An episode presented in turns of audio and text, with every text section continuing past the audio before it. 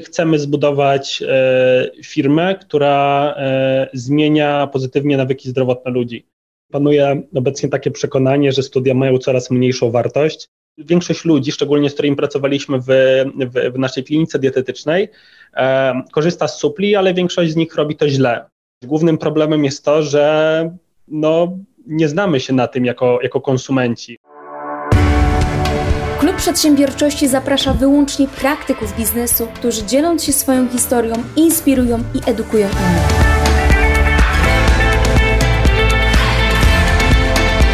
Od moich gości chcę dowiedzieć się, jakie działania, a także jaki sposób myślenia powoduje, że dotarli na sam szczyt w swojej dziedzinie. Nazywam się Olga Palka i zabieram Cię razem ze mną w świat biznesu, gdzie docieram do źródła ludzkiego sukcesu. Cześć widzowie i słuchacze, z tej strony Olga Palka, a to nowy odcinek w naszym kanale Klubu Przedsiębiorczości. Jeżeli nas słuchasz, to witaj w kolejnym podcaście. Dzisiaj ze mną współzałożyciel firmy Sandoz, która jest przewidywana do zostania kolejnym jednorożcem, jeżeli chodzi o scenę, scenę startupową, Michał Gołkiewicz. Cześć Michał. Cześć, cześć, witaj Olga. Dziękuję Ci, bo jesteś, wiem, że bardzo mocno zapracowany.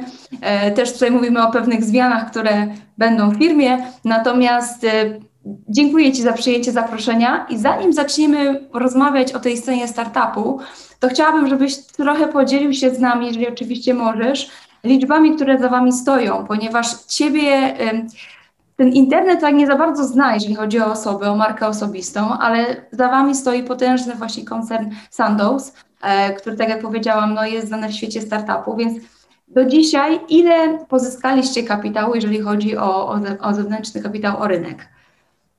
Mhm.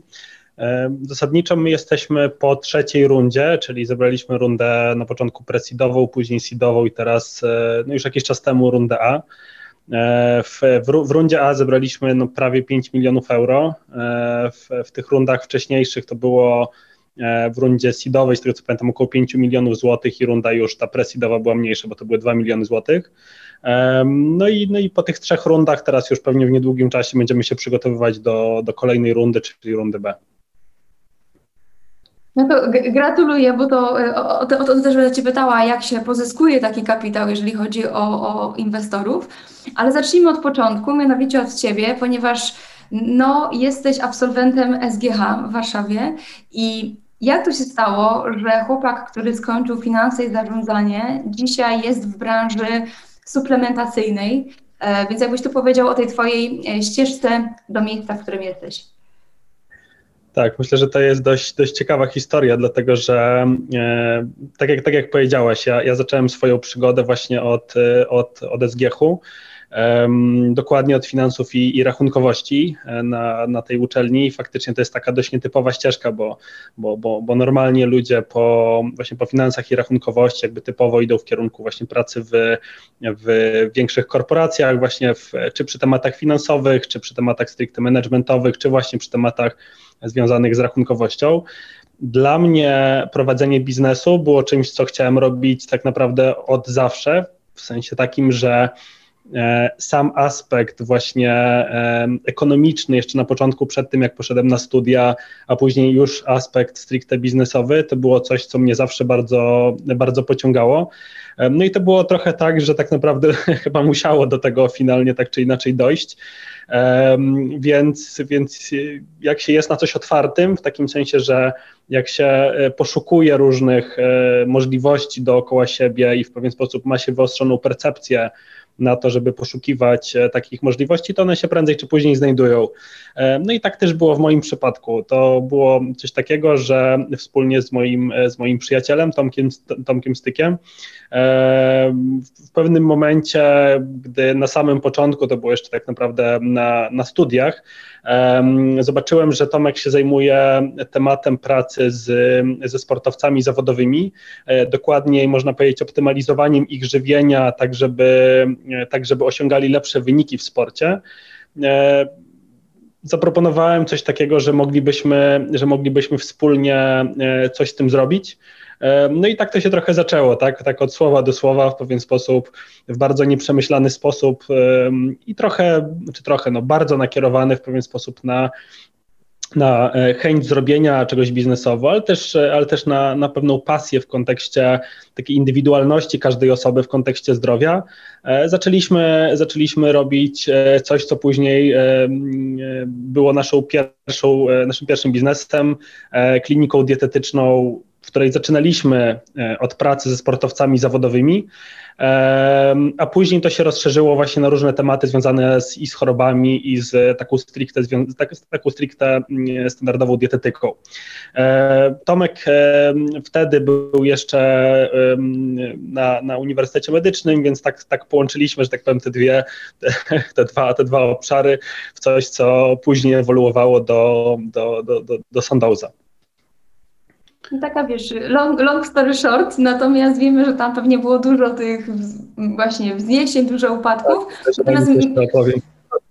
Tak, właśnie o to mi chodzi, wiesz, żebyśmy tutaj pokazali trochę ciemną stronę te, tego sukcesu, jak to, jak to zawsze bywa, że więcej jest tych porażek, ta, ta góra lodowa, ale Michał, zapytam Cię o jedną rzecz, ponieważ o to pyta mało kto, a wiele osób się wypowiada w tym temacie, że studia nie są do niczego potrzebne a po co iść na studia? Czy tobie, wiesz, to SGH, to już tak nie wiem stricte pod uczelnią, ale pod uczelnię, ale czy tobie studia cokolwiek dały? To jest, to jest ogólnie bardzo fajne pytanie, dlatego że faktycznie panuje obecnie takie przekonanie, że studia mają coraz mniejszą wartość. E, no i niestety jest w tym dużo prawdy, w takim sensie, że e, bardzo wiele kierunków studiów e, nie jest nakierowanych na wiedzę praktyczną, tylko jest nakierowanych na wiedzę teoretyczną. W, mo, w moim przypadku myślę, że studia dały mi dość sporo, w takim sensie, że e, po pierwsze, na SGH-u w pewien sposób mamy do czynienia z bardzo, bardzo fajnymi ludźmi i, jesteśmy w pewnym otoczeniu e, i kreatywnym, i otoczeniu bardzo inteligentnych ludzi, którzy chcą w życiu robić bardzo fajne i ciekawe rzeczy. E, to po pierwsze, i myślę, że to jest taka bardzo duża wartość właśnie takich uczelni jak, jak SGH. Druga rzecz jest taka, ale to myślę jest coś, co już musi trochę interesować e, daną osobę, to jest to, że e, taka uczelnia daje pewne podstawy e, w kontekście zrozumienia takich, takich, no bym powiedział, najważniejszych zasad kierujących czy ekonomią, czy biznesem. Myślę, że bez poszerzania tego indywidualnie, tak czy inaczej, to by było za mało, tak? I to jest, i to jest często bardzo E, bardzo szerokie, w niektórych miejscach e, nieprzydatne, natomiast, natomiast jeśli potrafi się z tego korzystać, to myślę, że, że, że można z tego faktycznie wyciągnąć e, ciekawą wartość. A taka największa wartość dla Ciebie to jaka była? Myślę, że największą wartością było spotkanie tych różnych ludzi, tak z perspektywy patrząc, do tego, że dalej z bardzo dużą częścią z tych osób mam kontakt.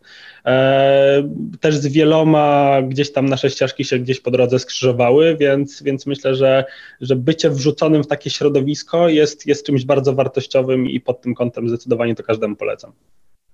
No dobra, to teraz jeszcze, przejdźmy do... Może, Aha, tak, jasne. Może, może jeszcze teraz e, pomyślałem o jeszcze jednej rzeczy.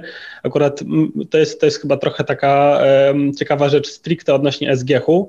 To jest to, że SGH daje dużo wolności na to, żeby eksplorować pewne rzeczy e, właśnie takie indywidualne, czyli jeśli mamy jakieś zainteresowania, czy jakieś rzeczy, na których się chcemy skupić, to akurat SGH jest taką uczelnią, która, która daje taką możliwość.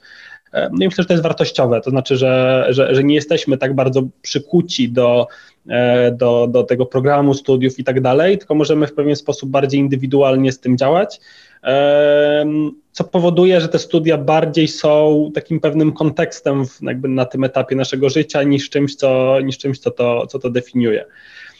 Myślę, że ogólnie pewnie brakuje takim studiom ogólnie w Polsce takiego mm, takie, takiej praktyczności, bo na przykład e, e, Wiem e, po, po niektórych moich znajomych, którzy mieli okazję studiować czy robić kursy jakieś właśnie na takich uczelniach, na przykład w Stanach, że tam te studia są faktycznie bardzo praktyczne, są często prowadzone przez praktyków, czy właśnie w kontekście nawet startupów, tak? One są, są bardzo nakierowane na, na to, jak to w praktyce działa i, i, i przygotowują trochę do tego. E, w Polsce jednak jest tak, że na przykład jeśli chce się robić startup, czy chce się robić e, biznes trochę od zera, no to, no to niestety musimy się tego trochę uczyć sami na własnych błędach. Tutaj właśnie największą zaletą jest, w sensie największą możliwością e, nauczenia się tego jest bycie w odpowiednim otoczeniu, to po pierwsze, a po drugie czytanie wartościowych książek, które, które nakierowują właśnie na to, żeby, żeby tę wiedzę zdobyć. O te książki od razu bym Cię, wiesz, prosiła w komentarzu, żeby, żeby zaznaczyć, bo pewnie będą pytania, jakie książki polecasz, więc w wolnej chwili, jak tam rzucisz pod odcinkiem, no to, e, to będziemy zobowiązani. E, to Michał, to powiedz trochę o tych właśnie rzeczach, które nie wyszły, tak, zanim powstał Sandoz, no bo nabieraliście pewnego rodzaju doświadczenia, też musieliście się dotrzeć jako wspólnicy Tomkiem, e, bo wiem, że on bardziej właśnie tutaj jest tą osobą, która e, właśnie no, ma wiedzę, ma know-how na temat e, medycyny, a ty jesteś tym takim zapleczem bardzo mocnym mózgiem operacji. On też tak w innym wywiadzie mówił o tobie, że to, to ty wiedziesz ten prym, jeżeli chodzi o rozwój e, Sandowca oczywiście, więc zamieniam się w słuch, jak to wyglądało, co nie wyszło, co wyszło, że dzisiaj mamy właśnie no, sukces Sandowca. Muszę przyznać, że tych porażek było i jest bardzo dużo. To jakby Właśnie też dla mnie to jest ciekawe, że e, gdy ty mówisz o tym, że to jest sukces, z mojej perspektywy to jest ciągle droga. To jest coś takiego, że to, to, to, to nie ma czegoś takiego, że osiągasz definitywny sukces, tylko raczej cały czas na każdym etapie masz pewne wyzwania, które powodują po prostu, że musisz się jakoś z nimi mierzyć. Myślę, że to, co się zmienia, to jest to, że zaczynasz trochę inaczej do tego podchodzić i bardziej roz, rozumiesz, że e, jakby to się w pewien sposób nie zmieni, to znaczy, że to jest po prostu pewna droga, którą podążasz i, i musisz na każdym etapie po prostu być e, na tyle świadomy, żeby sobie z tym dobrze radzić, tak? I myślę, że to się zmienia, to doświadczenie daje więcej spokoju, daje więcej takiej, takiej bym powiedział, stabilności w, w radzeniu sobie z różnymi rzeczami, które się dzieją po drodze. No i, no i tych porażek było i tak jak powiedziałem jest, E, bardzo, bardzo dużo. Powiedziałbym chyba nawet, że tak naprawdę te porażki no to, jest, to jest raczej większość, tak? Raczej e, rzeczy, które się udają, raczej, raczej są w mniejszości. I z tego sobie trzeba zdawać sprawę, bo myślę, że bardzo w naszym myśleniu, jak widzimy to, że gdzieś ktoś do czegoś dochodzi, to, to widzimy trochę jedną stronę monety. E, prawda najczęściej nie jest taka, praktycznie zawsze nie jest taka e, i, i, i, musimy, musimy sobie z tym, z tym potrafić radzić. W moim przypadku akurat to było tak, że my, gdy zaczynaliśmy od, od właśnie tej poradni dietetycznej na samym początku, myślę, że to było bardzo tak biznesowo nieświadome, w takim sensie, że e, bardziej kierowaliśmy się pewną pasją, intuicją, e, takim, takim drive'em przedsiębiorczym, nazwę to, e, mniej takim zaplanowaniem i, i, i tym, co my w ogóle, jakby po co to robimy, tak jakby co chcemy z tego wyciągnąć i tak dalej. To powoduje, że w wielu, to powodowało, że w wielu miejscach podejmowaliśmy takie decyzje, które nie były przemyślane strategicznie e, i, i nie były, finalnie nas doprowadziły do takich konsekwencji, z którymi gdzieś tam po drodze sobie musieliśmy radzić.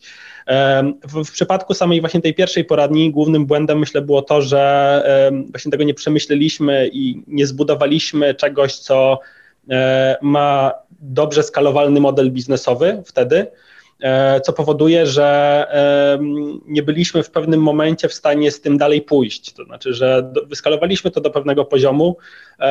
Sama marżowość tego biznesu nie była jakaś taka super, w sensie raczej to był taki biznes, wiadomo, usługowy, co powoduje, że jak zaczynasz się skalować i masz coraz więcej tych dietetyków i tak dalej, i tak dalej, no to, no to tego powietrza do oddychania jest bardzo mało.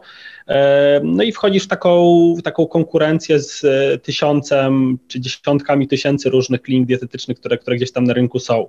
E, to, co na pewno wtedy nas wyróżniało i to, co było w tym bardzo fajne, to jest to, że bardzo mocno właśnie poszliśmy w kierunku tych sportowców zawodowych na początku, co dało nam, to jest w ogóle takie ciekawe, że każdy etap e, dawał w pewien sposób nam taki trochę, taką unikalną wartość, która była nam potrzebna na każdym kolejnym etapie. I w przypadku tego pierwszego etapu, to co było ciekawe, to jest to, że ta nasza taka zajawka właśnie do, do takiego, takiej optymalizacji, nazwę to trochę, tej diety, tego żywienia, tak żeby poprawiać te wyniki, zaowocowała tym, że coraz bardziej się wkręcaliśmy właśnie w to, że każda osoba jest inna i faktycznie dietą można zrobić dużo. I takie nieszablonowe podejście do diety, w którym próbujemy najpierw zrozumieć, tak jakby jak e, mamy zoptymalizować tę dietę, spowodowało, że później tak jakby w kolejnych krokach pójdziemy dalej. Później, później pomiędzy jeszcze e, właśnie tą kliniką a, a był jeszcze jeden nasz biznes, który w ogóle nie wyszedł. E, to był biznes, którym się e, skupialiśmy na, na idąc trochę też za ciosem, tak? bo, bo to tak jakby cały czas w jednym, w jednym temacie. Zauważyliśmy coś takiego, jak, jak, jak pracowaliśmy ze sportowcami zawodowymi, że wielu z nich ma bardzo nieuporządkowane właśnie takie otoczenie tych danych dookoła siebie.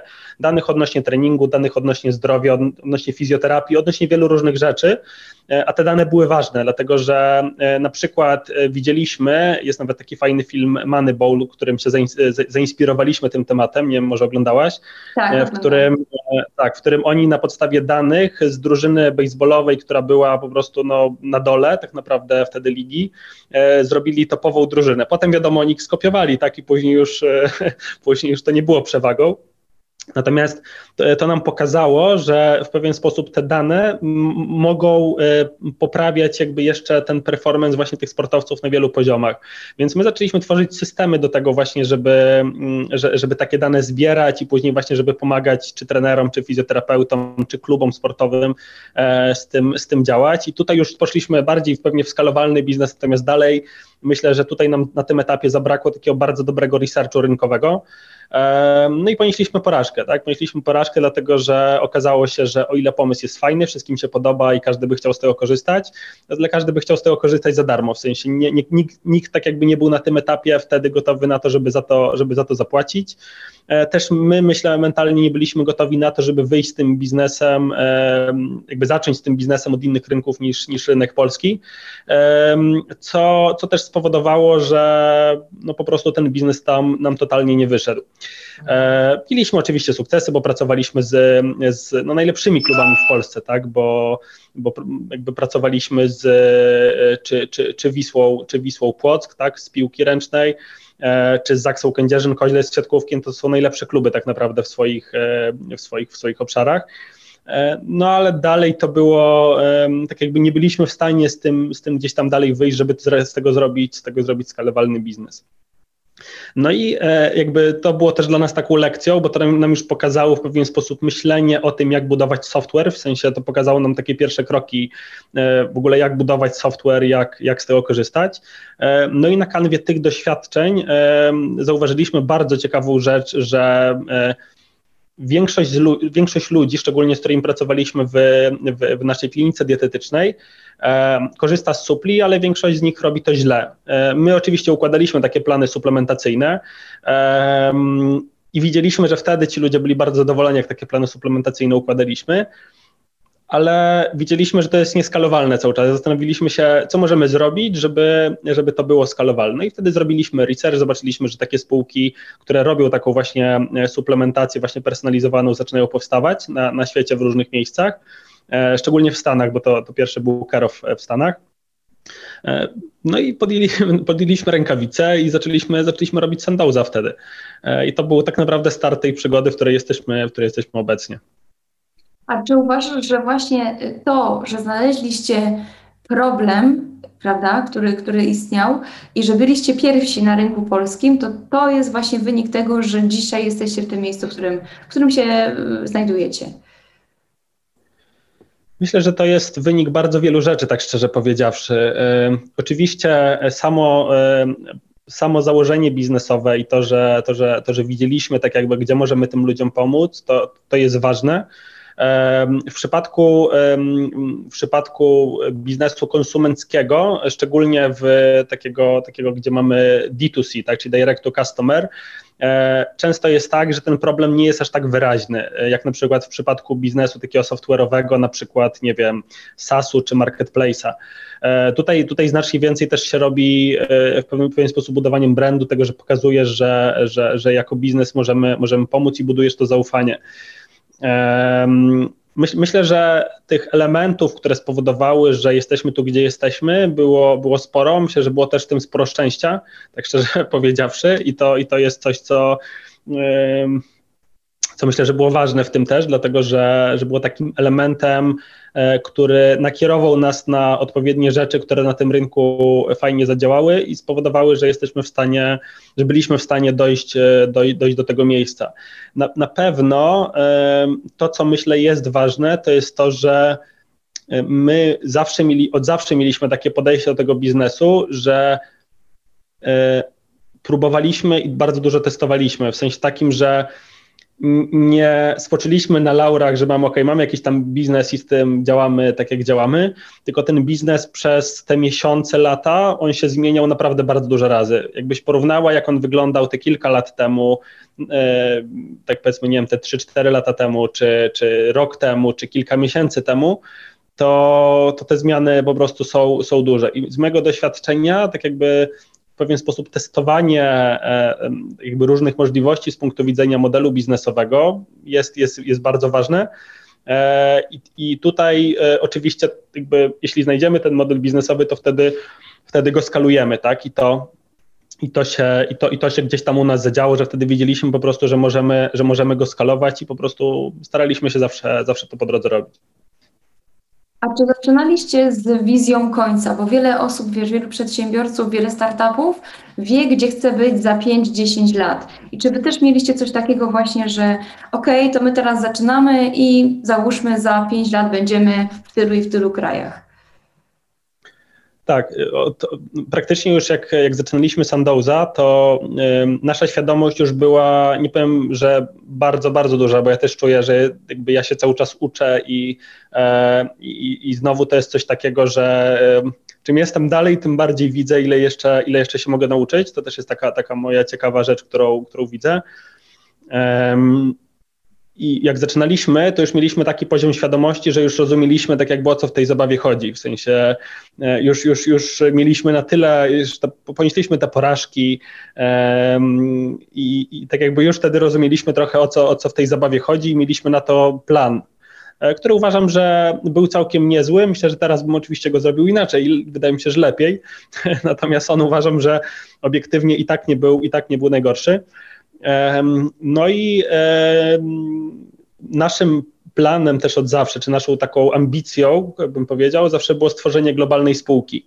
E, było coś takiego, że globalnej spółki, globalnego brandu, bo, bo, bo podobało, czy podoba nam się cały czas w, w tym biznesie to, że to jest brand, który ma wpływ na codzienne życie bardzo dużej liczby ludzi, e, na właściwie codzienne życie i zdrowie, bo tak trzeba by było powiedzieć.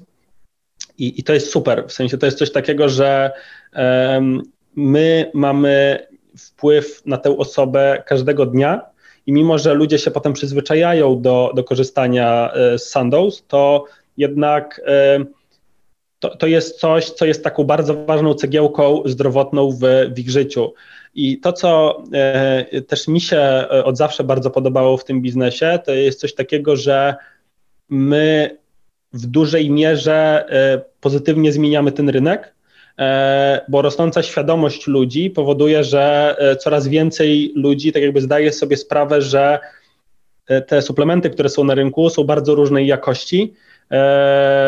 Często są no, słabej jakości, tak? Bo, bo, bo tak jakby ten rynek nie jest bardzo regulowany, co powoduje, że, że trochę można wyjść z czymkolwiek. Oczywiście to nie jest do końca prawda, bo on jest regulowany, natomiast, natomiast no, nie jest tak regulowany jak, jak rynek leków co powoduje, że my, e, naszym celem od zawsze było to, żeby temu klientowi pomagać dokonywać dobrych wyborów w kontekście, w kontekście suplementów, tak żeby on mógł wprowadzić w wygodny sposób po prostu sam ten, sam ten nawyk suplementacji po prostu na trwałe.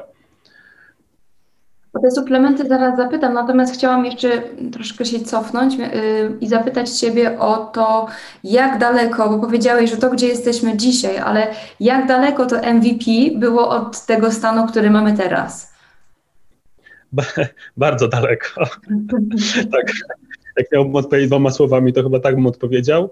E, to, to co przez to rozumiem, to jest to, że. Mm, my w, w, tak w przekroju naszego rozwoju, jak, jak, jak uczyliśmy się, w jaki sposób pracować z produktem, zaczęliśmy rozumieć tak jakby tak, tak bym to nazwał, przestaliśmy być zakładnikami narzędzi, e, czyli jak się uczyliśmy kolejnych rzeczy, to, to przestaliśmy być zakładnikami narzędzi, tylko bardziej zaczęliśmy rozumieć, jak te narzędzia wykorzystywać w praktyce. E, I myślę, że to był taki, taki ogólnie ważny proces, który się zadział, czy, czy, czy ważny, ważny moment w naszym, w naszym rozwoju, że potrafiliśmy, czy potrafimy coraz bardziej od jakiegoś czasu balansować naszą intuicję, tak jakby w jakim kierunku iść z rozwojem tego biznesu, z tym, z jakich narzędzi korzystać i jak z nich korzystać. Myślę, że to, co jest też istotne, to jest to, że biznes, który my tworzymy, w porównaniu na przykład z biznesami takimi jak właśnie SASy czy marketplace'y, nie jest do końca biznesem logicznym. Bo jeśli mamy SaaS czy mamy marketplace, to, to, to jesteśmy w stanie pójść w bardzo takim prostym układzie rozwoju tego, w sensie w prostym. Oczywiście on nie jest prosty, jest duże uproszczenie, natomiast takim bardziej bym powiedział książkowym e, modelu, gdzie po prostu szukamy tego problemu, szukamy product market fit, e, na tym problemie bardzo się opieramy, po wskaźnikach widzimy, widzimy, że on rośnie.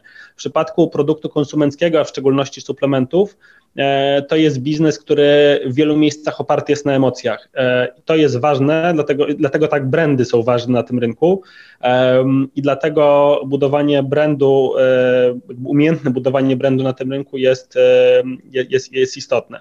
Więc my, myślę, to, co, to, czego się nauczyliśmy właśnie po drodze w kontekście już tego pytania, które zadałaś, to jest to, że nauczyliśmy się coraz bardziej wyważać właśnie tę taką część logiczną, produktową, która, która wiemy, że jest dobra dla klienta, tak? bo na to są i publikacje naukowe i wiemy, że tak by było najlepiej po prostu dla klienta robić, z taką częścią emocjonalną i taką częścią wciągania go w proces i takiego bardzo dobrego łapania kontekstu, e, jak temu klientowi na danym, na danym etapie pomóc.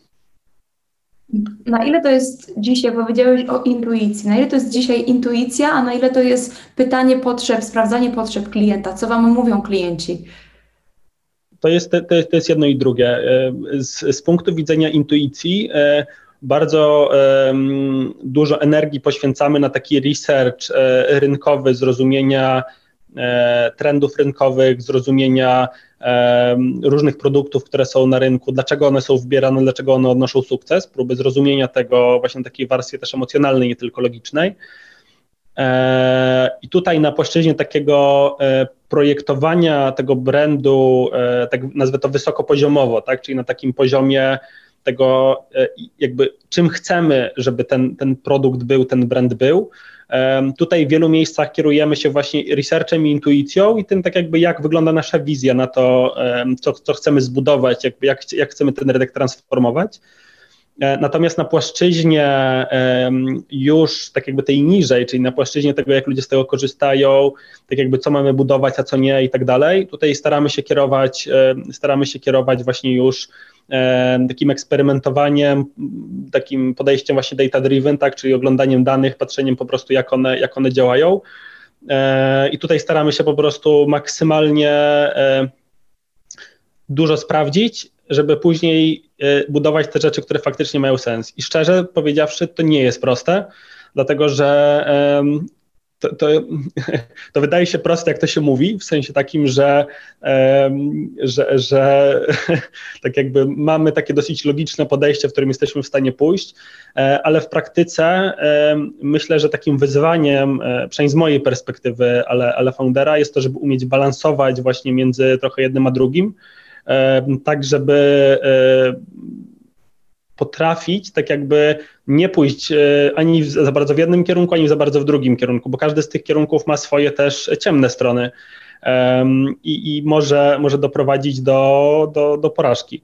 E, tutaj może tak dla przykładu, bo na przykład jeśli pójdziemy w kierunku za bardzo takim iteracyjnym eksperymentowania, a mamy model biznesowy, który nie jest wystarczająco dobrze działający, to często to nie daje efektu. To po prostu optymalizujemy jakieś pomniejsze rzeczy, podczas gdy cały model biznesowy po prostu nie działa tak, jak, tak jak działać powinien.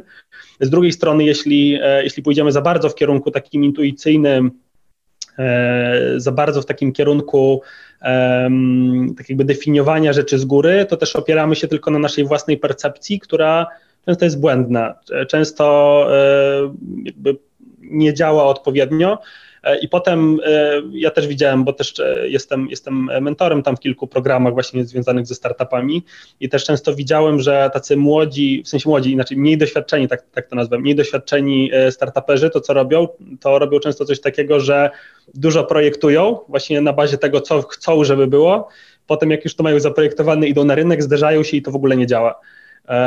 Więc ja myślę, że to jest trochę taka umiejętność bycia e, pomiędzy i tak jakby to doświadczenie trochę, tak patrząc, że trochę doświadczenie właśnie przynosi to, jak to, jak to, jak, jak, jak tym odpowiednio balansować. Powiedziałeś, że zmieniacie trochę też rzeczywistość i życie ludzi, no bo wpływacie mocno na zdrowie. I teraz y, nasz kanał oglądają y, w dużej mierze przedsiębiorcy. To są osoby, które zazwyczaj, no niestety, ale nie mają czasu na to albo głowy do tego, żeby wiesz, czytać artykuły e, jakieś medyczne, co powinienem brać.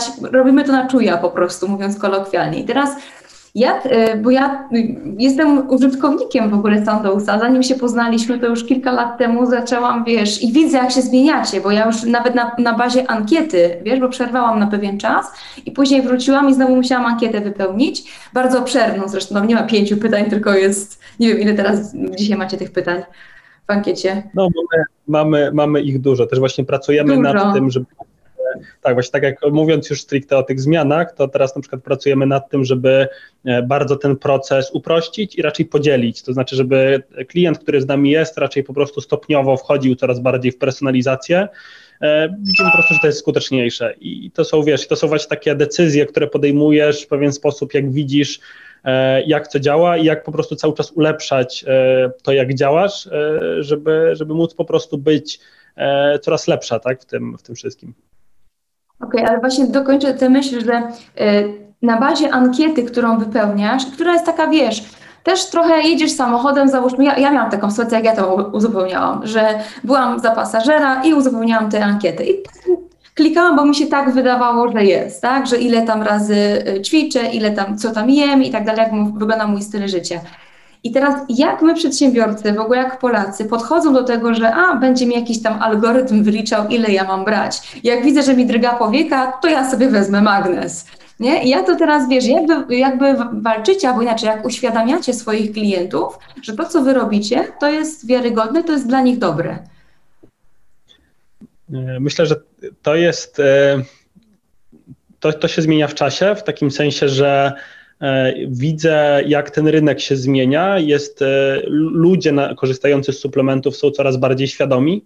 E, I, I, myślę, że to jest taki bardzo ważny trend, który jest na tym rynku, że ta rosnąca świadomość właśnie tego, że to, to, to żywienie ma po prostu bardzo duży wpływ na to, jak my się czujemy, jak, jaką mamy jakość życia, tak, tak nawet bym powiedział.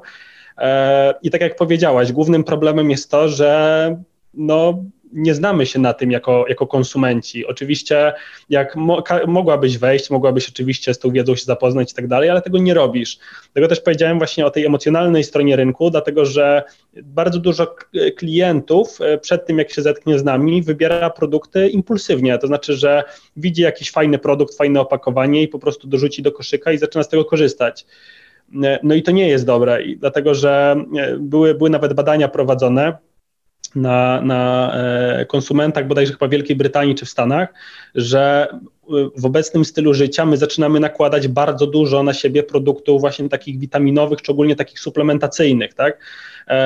Możemy na przykład, nie wiem, e, e, brać jakąś multivitaminę, do tego sobie weźmiemy jakiś produkt na włosy, do tego, nie wiem, możemy się napić Gatorade'a, do tego nawet kupimy zwykłe płatki, takie, nie wiem, jakie, jakieś bym powiedział śniadaniowe, które są wzbogacone witaminą B, bo tak jest, żeby, e, żeby, żeby, żeby tak jakby ta witamina B jest na przykład tam dodawana, e, co powoduje, że nagle zaczynamy nakładać na siebie bardzo wiele różnych rzeczy, E, no i teraz wiadomo, jeśli robimy tak przez krótki okres czasu, to się nic nie dzieje, tak? Dlatego, że w pewien sposób, szczególnie jak mamy witaminy rozpuszczalne w wodzie, no to, no to, no to nie ma problemu, w tłuszczach trochę gorzej, ale tych składników jest dużo, nawet bardzo dużo, dlatego, że to nie są tylko witaminy, to też są minerały, to są, to są różne związki adaptogenne na przykład, e, wyciągi ziołowe i tak dalej, i tak dalej. I teraz my w pewien sposób, po pierwsze, mamy dietę, która jest uboga w bardzo wiele różnych rzeczy, ona nie jest zbilansowana, większość z nas, a po drugie zaczynamy robić coś takiego, że zaczynamy w ślepy sposób po prostu dobierać sobie różne produkty, bo nam smakują, bo są fajne, bo nam się podobają. E, I teraz ja widzę takie, takie coś, że jak my pracujemy z tymi naszymi klientami, to e, my im w pewien sposób z czasem zabieramy tę pracę od nich. To znaczy, że ty się nie musisz na tym znać, ty nie musisz o tym myśleć, masz zawsze wsparcie, bo nie tylko algorytmu, tylko też masz wsparcie dietetyka, który, z którym zawsze możesz porozmawiać i który, e, jeśli na przykład nie wiem, masz nowe badania krwi, czy masz cokolwiek innego, to zawsze ci je uwzględni, tak? Zawsze ci podpowie, tak jakby w jaki sposób tę suplementację zmienić. W kontekście tego, że wiesz lepiej, e, tak, tak jest faktycznie, natomiast ty, ty wiesz lepiej, co chcesz osiągnąć. I ty nam możesz powiedzieć, że na przykład, nie wiem, masz problem z wypadającymi włosami, chciałabyś coś z tym zrobić, lub nie wiem, masz problem z, z odpornością, chciałabyś coś z tym zrobić, tak? I, i na tej płaszczyźnie my dążymy do tego, żeby uprościć ten proces decyzyjny, żeby raczej e, klient mógł się skupić na e, korzystaniu z najlepszego dla siebie rozwiązania, niż na tym, żeby stał się w tym po prostu najlepszy. A jeszcze powiedz o jednej, o jednej rzeczy, jak mamy, bo mamy patologię, prawda, na rynku, jeżeli chodzi o te suplementy, bo, bo mówisz, że są mm, pewnego rodzaju restrykcje, ale to jest rynek spożywczy, a nie y, leczniczy. I teraz jak my możemy w takich warunkach domowych wybrać, co jest dla nas dobre? Jak poznać, że suplement jest dobry? E, to jest, to, jest, to jest trudne pytanie, dlatego że e, jest bardzo dużo szumu na tym rynku e, i to powoduje w mojej ocenie, że taki standardowy klient, konsument, który po prostu chce z czegoś korzystać, nie jest w stanie tego zrobić. To znaczy jest pod warunkiem, że poświęciłby dużo czasu na to, żeby się doedukować. I to jakby powoduje, że większość ludzi tego nie robi, przez co jakby to sobie kwitnie, tak? I takich rzeczy na rynku jest, jest tona, tak? Mógłbym wymieniać przykłady przykłady tak naprawdę no, pewnie z godzinę. E, choćby takie rzeczy jak, e, jak to, że był, była taka dość głośna afera z probiotykami, tak, że probiotyki, które leżały długo w magazynach, okazało się, że w kapsułkach nie ma probiotyków i tak naprawdę kupujemy tak naprawdę pusty, pusty produkt. Czy to, że mamy na przykład suplementy na, na, na choroby, czy jakieś różne schorzenia, które nie istnieją, choćby ten syndrom niespokojnych nóg, czy mamy substancje, które nie działają naukowo, tak, bo to, to jest też coś takiego, co regularnie widzę, że, że żeby grzać ten rynek, e, producenci dorzucają nowe substancje. Te substancje nie mają żadnego podłoża naukowego tak w kontekście działania, e, no ale one są dorzucone, tak, że, bo, bo, bo fajnie brzmi, dlatego że, że, że wydaje się fajne. Um, I tak dalej, i tak dalej. Tak można, można by wymieniać. Um, no, i, no i teraz jakby ty jako konsument nie jesteś w stanie wybrać. Ty jeśli, oczywiście zakładając, że nie chcesz na to poświęcić dużo czasu, bo jeśli chcesz, no to, to się doedukujesz i będziesz w stanie to zrobić, ale jeśli nie, nie, nie chcesz, no to nie będziesz w stanie tego zrobić. Więc no, nasza praca właśnie polega na tym, że my e, to robimy za klienta. My e, akumulujemy tę wiedzę, E, robimy cały właśnie ten research, analizujemy te publikacje naukowe, e, dbamy o jakość i o te wszystkie rzeczy właśnie, żeby, żeby tę pracę z klienta ściągnąć, żebyś ty jako zabiegana przedsiębiorczyni, czy, czy ktoś jako zabiegany przedsiębiorca e, po prostu mógł się skupić na tym, w czym jest najlepszy, po prostu, a nie, a nie musiał się zastanawiać na tym, czy bierze dobre suplementy. Dzięki. Czyli słuchajcie, albo edukacja, albo zdanie się na specjalistów po prostu, y, jak zawsze bywa. Przechodzimy teraz do drugiej części rozmowy, czyli to, o co zapytałam na samym początku, mianowicie o kapitał. I teraz, jakie wy jako Sandoz y, wyciągnęliście lekcje z tego, że zebraliście kapitał z rynku, czyli jakie najważniejsze lekcje, mm, takie wskazówki dla osób, które dopiero są przed rundą albo starają się o zewnętrzny kapitał, możesz tutaj e, im dać? Jasne. W ogóle w pierwszej kolejności zastanowiłbym się, czy jako przedsiębiorca chcesz wchodzić na ścieżkę zbierania kapitału. Bo, bo często z, z moich obserwacji wielu, wielu przedsiębiorców wchodzi na tę ścieżkę w taki sposób trochę nieświadomy, nie myśląc o tym, czy faktycznie ta ścieżka jest dla nich najlepsza. E, co mam tutaj konkretnie na myśli? Jeśli zaczynamy pracować z funduszami venture capital, to musimy sobie zdawać sprawę z tego, że fundusze venture capital, e, ich celem jest to, żeby e, spółka stała się duża. To znaczy, że jeśli na przykład taki fundusz inwestuje w 10 czy 20 spółek, to z założenia taki fundusz w każdej inwestycji stara się celować to, żeby spółka była warta więcej niż 200 milionów euro. To jest taka liczba, którą mi jeden z funduszy Venture Capital kiedyś podał. E, no i faktycznie tak jest. To znaczy, że jeśli e, my nie mamy takich ambicji, żeby stać się taką spółką w której, którą możemy tak jakby wyskalować do takiego poziomu, to w pewien sposób już od dnia pierwszego mamy rozbieżne interesy z, z funduszem, z którym zaczynamy, zaczynamy współpracować, a to potem się źle odbija, dlatego że um, fundusz jest po to, żeby ci pomóc, e, i faktycznie bardzo dobre fundusze to robią, że naprawdę wnoszą bardzo dużą wartość tej pomocy, ale musimy rozumieć e, właśnie jak to, jak to działa, żeby później nie wchodzić, nie wchodzić trochę na takie dwie różne ścieżki i taki pewien dysonans w, w, w działaniu. Więc w ogóle pierwszą rzeczą, od której bym zaczął, jest to, żeby zastanowić się, czy na pewno chcemy wchodzić na ścieżkę venture capital, bo bardzo dużo fajnych biznesów też rozwinęło się bez finansowania venture capital um, i tutaj no, możemy tak naprawdę w pewien sposób skupić na tym kliencie.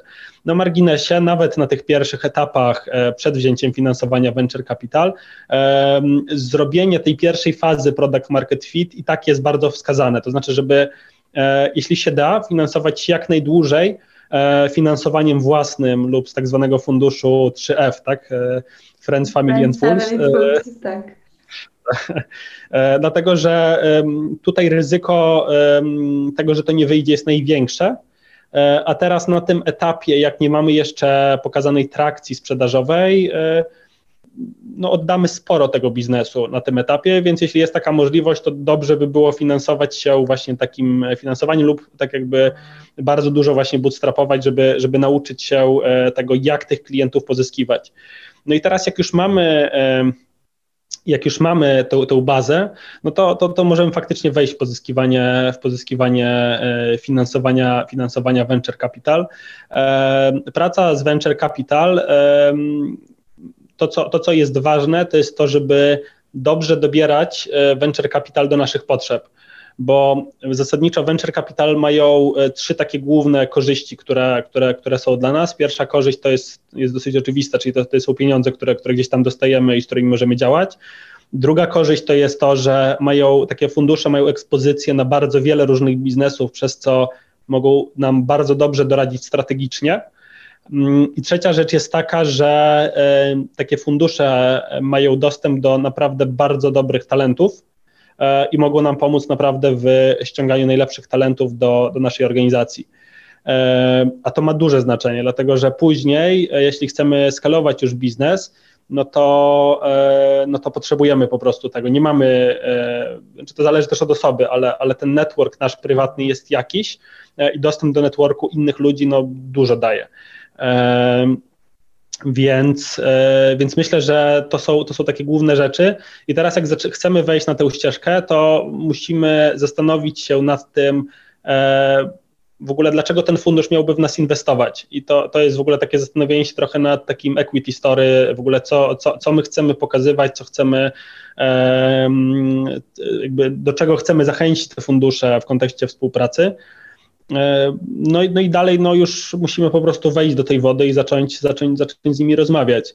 E, I tutaj bardzo ważne jest to, żeby e, mieć też zrozumienie, ile pieniędzy chcemy zebrać, na co te pieniądze chcemy zebrać i to, i to całościowo wtedy pokazywać. No i wtedy, jak już wejdziemy do tych rozmów, to dobrze jest nie rozmawiać tylko z jednym funduszem, bo to też jest, widzę, błąd taki, który często przedsiębiorcy popełniają, że biorą jeden fundusz, ten jeden, z tym jednym funduszem rozmawiają i w pewien sposób tak jakby z tym jednym funduszem od, A, od punktu A do punktu Z dochodzą.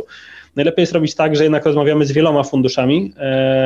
To po pierwsze nam daje bardzo ciekawe komentarze z mojego doświadczenia. Ja na przykład przy rundzie A rozmawiałem z około 150 różnymi funduszami e, i szczerze powiedziawszy, ilość feedbacku, który dostałem od nich, no była, no to było coś wspaniałego, w takim sensie, że rzadko kiedy mamy taką możliwość dostania tak wielu różnych perspektyw na to, co robimy. Jak ktoś potrafi z tego wyciągnąć faktycznie wartość, to myślę, że to jest, że to jest, że to jest dużo. No i wtedy jak mamy, jak rozmawiamy z różnymi funduszami, to też wtedy jesteśmy w stanie znacznie bardziej sensownie tą rundę skomponować, bo często już te większe rundy no, nie są robione przez jeden fundusz, tylko są robione przez więcej funduszy i wtedy one są komponowane e, w, w taki sposób. Super, tak. Y, słucham wiesz co, z zaciekawieniem, bo, bo dajesz tak fajne rady. No, słychać y, praktyka po prostu, wiesz, 150 y, osób, 150 rozmów. Rozumiem, że to na każdym jednym byłeś ty. Na takiej tak, każdym no, jednym spotkaniu. To, no, okay. na pewno bardzo złe, bardzo złą praktyką jest wysyłanie kogoś na te rozmowy z punktu, no trzeba, trzeba jakby zdać sobie sprawę z jednej rzeczy. Wejście w, w, w jakby we współpracę z funduszami venture capital, oni się staną twoimi wspólnikami. To jest jak to jest trochę jak małżeństwo, tak? To jest trochę coś takiego, że w pewien sposób wiążemy się na lata z takim partnerem, na dobre i na złe co powoduje, że i tak jakby będziemy w pewien sposób z tym partnerem przechodzić dobre momenty, kiedy wszyscy wygrywamy, cieszymy się i tak dalej, ale złe momenty, gdzie też taki partner może się różnie zachować, tak? I teraz od jakości takiego partnera, od tego, na ile on jest taki wspierający i tak dalej, będzie zależało, już e, pomijając dobrostan taki e, psychiczny, który jest u founderów oczywiście czymś bardzo ważnym i często czymś zaniedbywanym, po prostu będzie albo ułatwiało, albo utrudniało życie, gdzie będzie trzeba podejmować trudne decyzje. Bo tak jest, tych, tych decyzji trudnych po prostu jest dużo, no i się z tym trzeba pogodzić. To po prostu w, w pewnym momencie, jak zaczynasz być coraz bardziej doświadczona, to po prostu już przyzwyczajasz się trochę do tego, że podejmujesz te trudne decyzje i starasz się je po prostu podejmować, podejmować dobrze. E, więc, więc e, no w tym kontekście na pewno trzeba sobie zdawać z tego sprawę, że to jest, że to jest taki związek, który będzie trwał i to, to dobrze dobrać. A co w momencie, kiedy Michał za szybko się rozwija firma, kiedy my jesteśmy wiesz, nieprzygotowani, bo tak, dostaliśmy kapitał, e, mamy duże, duży, dużą pomoc, e, duży rozwój i co wtedy, kiedy po prostu totalnie nie spodziewamy się tego? Myślę, że to trochę zależy od sytuacji takiej indywidualnej, bo to wiesz, może być tak, że dostaliśmy kapitał i się bardzo szybko rozwija firma, może być tak, że na przykład jeszcze nie dostaliśmy kapitału i się, i się rozwija firma. Na przykład tak było w naszym przypadku, z tego co pamiętam, dwa lata chyba temu, gdzie byliśmy jeszcze przed rundą, bo jeszcze jej nie zamknęliśmy. Mieliśmy taki moment, że zrobiliśmy taki duży pivot w kontekście naszego działania. No i nagle było coś takiego, że zaczęliśmy rosnąć po prostu z miesiąca na miesiąc po dwa, trzy razy gdzie wiesz, gdzie no, jakby nasza, nasze możliwości produkcyjne i tak dalej, i tak dalej w ogóle nie były do tego dostosowane, co powodowało, że po prostu zaczęły być pożary, tak, i sobie trzeba z tego zdawać sprawę, że zaczynają być pożary. No, kluczem jest to, żeby w, jak, w, jakim, w jakimś stopniu to mitygować, potrafić dobrze, maksymalnie dobrze na, na tyle, ile się da oczywiście, E, ale no, zaplanować tak jakby te różne, te różne scenariusze. No, nasza praca jako founderów w wielu miejscach, czy w wielu miejscach krytycznym elementem tej pracy jest praca strategiczna, więc musimy rozumieć różne scenariusze, i te dobre, i te złe, i tak jakby zastanawiać się, co w różnych scenariuszach będzie. Najlepiej mieć w głowie jakieś prawdopodobieństwo tego, w którym scenariuszu tak jakby na danym etapie możemy pójść.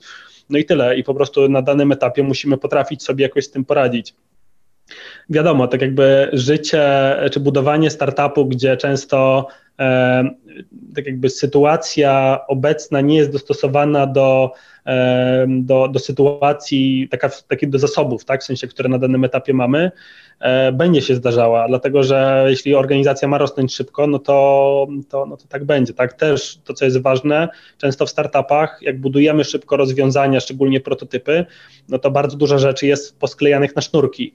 E, co powoduje, że na przykład e, software może się rozpadać, może nie wiem, może serwer e, przeciążać i tak dalej. Tam się bardzo dużo różnych rzeczy może dziać. Zasadniczo możemy zaciągać coraz większy dług technologiczny i tak dalej. To są jakieś decyzje po prostu, które musimy podejmować.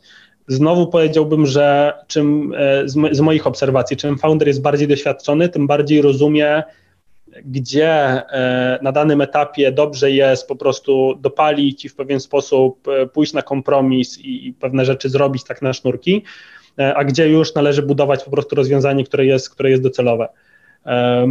Więc, więc tak, tak, tak chyba bym odpowiedział na to pytanie ale też y, ważna rzecz, mianowicie budowanie zespołu, bo to zespół też musi być przygotowany. I właśnie o tą kulturę organizacyjną chciałam Ciebie zapytać, jak wy dbacie o kulturę organizacyjną w Sandoz? To jest ogólnie bardzo fajne pytanie. Myślę, że kultura organizacyjna jest, jest czymś bardzo ważnym i przy okazji e, czymś, co. E, czymś, co się rozwija w czasie i też jest zależne od etapu, na którym jesteśmy. E, znowu uważam, że to jest trochę kwestia balansowania, dlatego że tak jak w przypadku właśnie tego eksperymentowania, o którym mówiłem, jest dużo um, intuicji foundera i takiego e, nakierowywania na pewne rzeczy, szczególnie w sytuacjach kryzysowych, szczególnie w sytuacjach, gdzie zmieniamy kierunek, czy, e, czy ten kierunek definiujemy, tak, bo to też może być na przykład na początku. Natomiast czym bardziej organizacja jest jakby działająca już w jakimś modelu sensownym, no to, no to wtedy powinno być coraz więcej tej inicjatywy, inicjatywy zespołu. I to jest bardzo ważne, dlatego że ogólnie ten empowerment potem powoduje, jakby daje najlepsze rezultaty. On nie jest prosty, od razu powiem, do, też, też do osiągnięcia, bo wymaga według mnie bardzo dużej dojrzałości i foundera i zespołu. E, I nie każdy się dobrze w tym odnajdzie, tak? bo to jest taka kultura e, freedom and responsibility, tak? czyli takiej wolności i odpowiedzialności. I to wymaga, i to, to, powoduje, że tam będą potknięcia. W sensie to nie jest coś takiego, co jest trochę na zasadzie, to my teraz tak robimy i to zaczyna działać. E, z mojego doświadczenia, jak rozmawiam z founderami, nigdy to tak nie działa.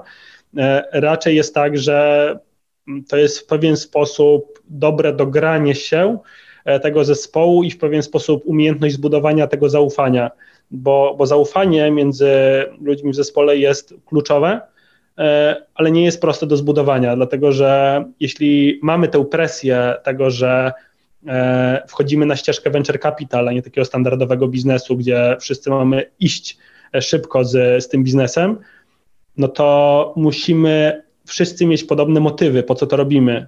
A tak w praktyce nie jest, dlatego że, że tak jakby te motywy są często rozbieżne, tak jakby po co ludzie przychodzą do organizacji i tak dalej.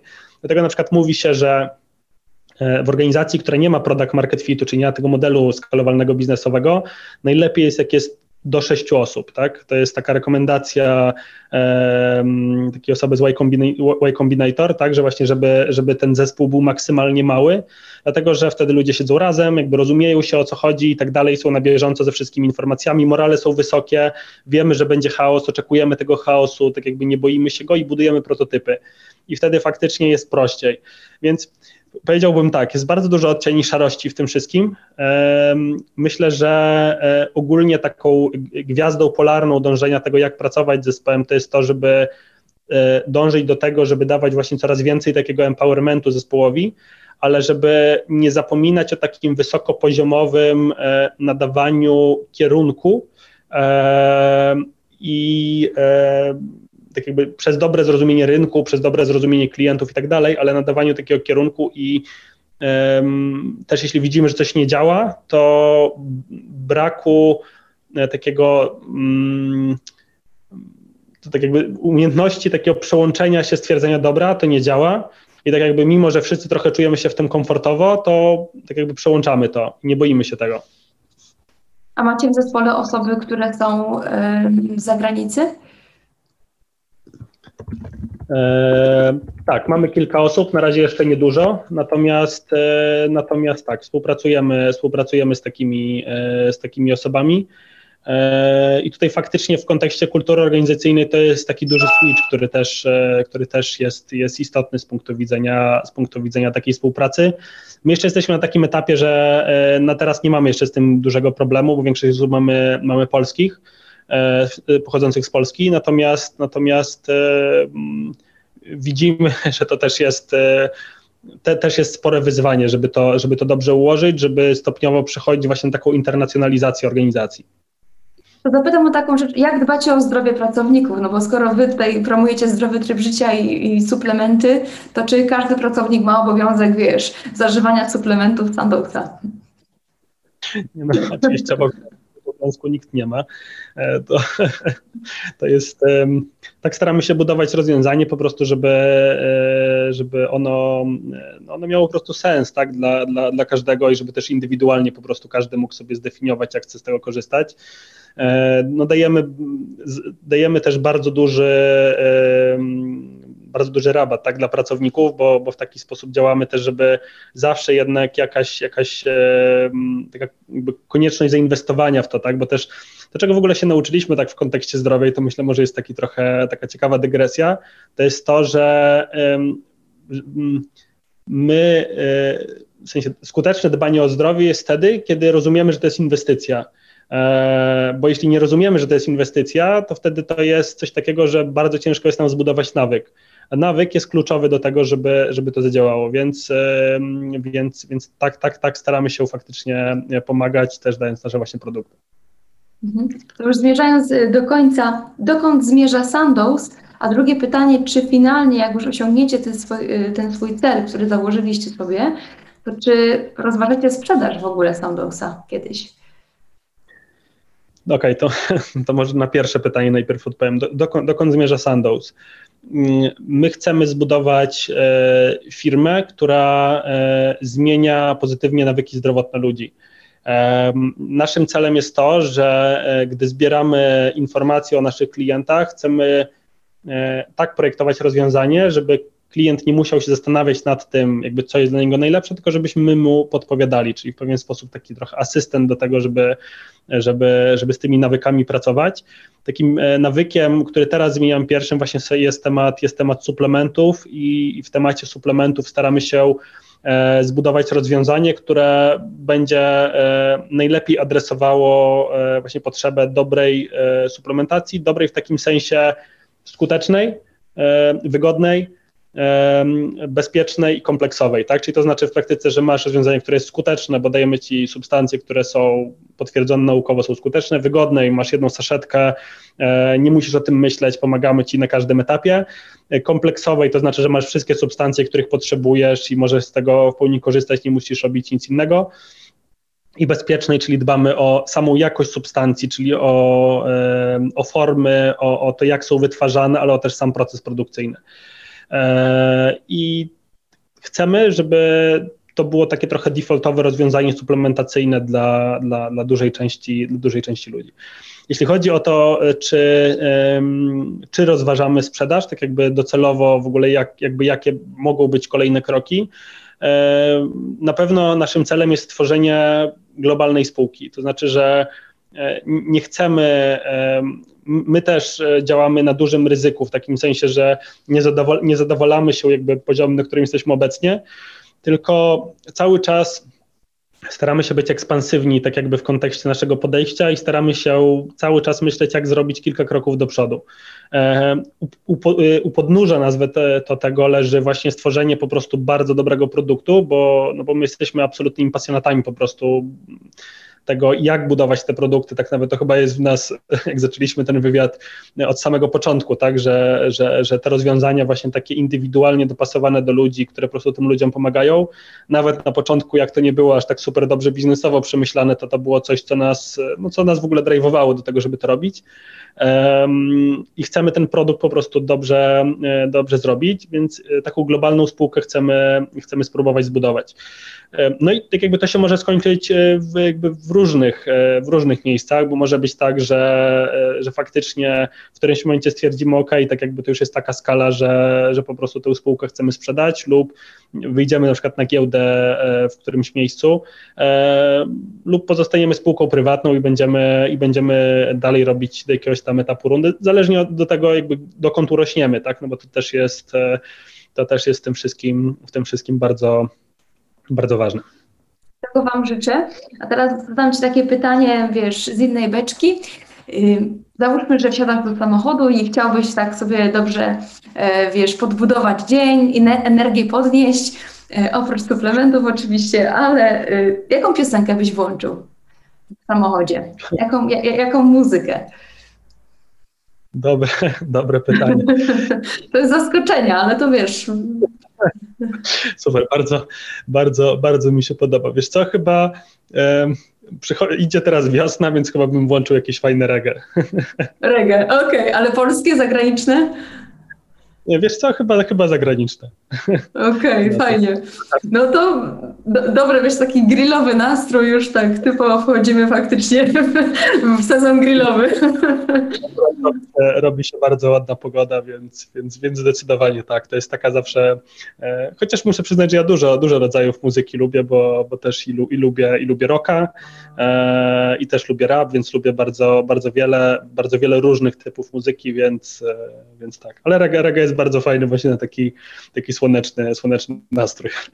Potwierdzam. Super. Bardzo Ci dziękuję, Michał. Y, trzymam kciuki za, za Sandows. Będę patrzyła, jak się rozwijacie. No i y, Wam oczywiście też dziękuję, widzowie, y, słuchacze, i do następnego. Trzymajcie się, cześć.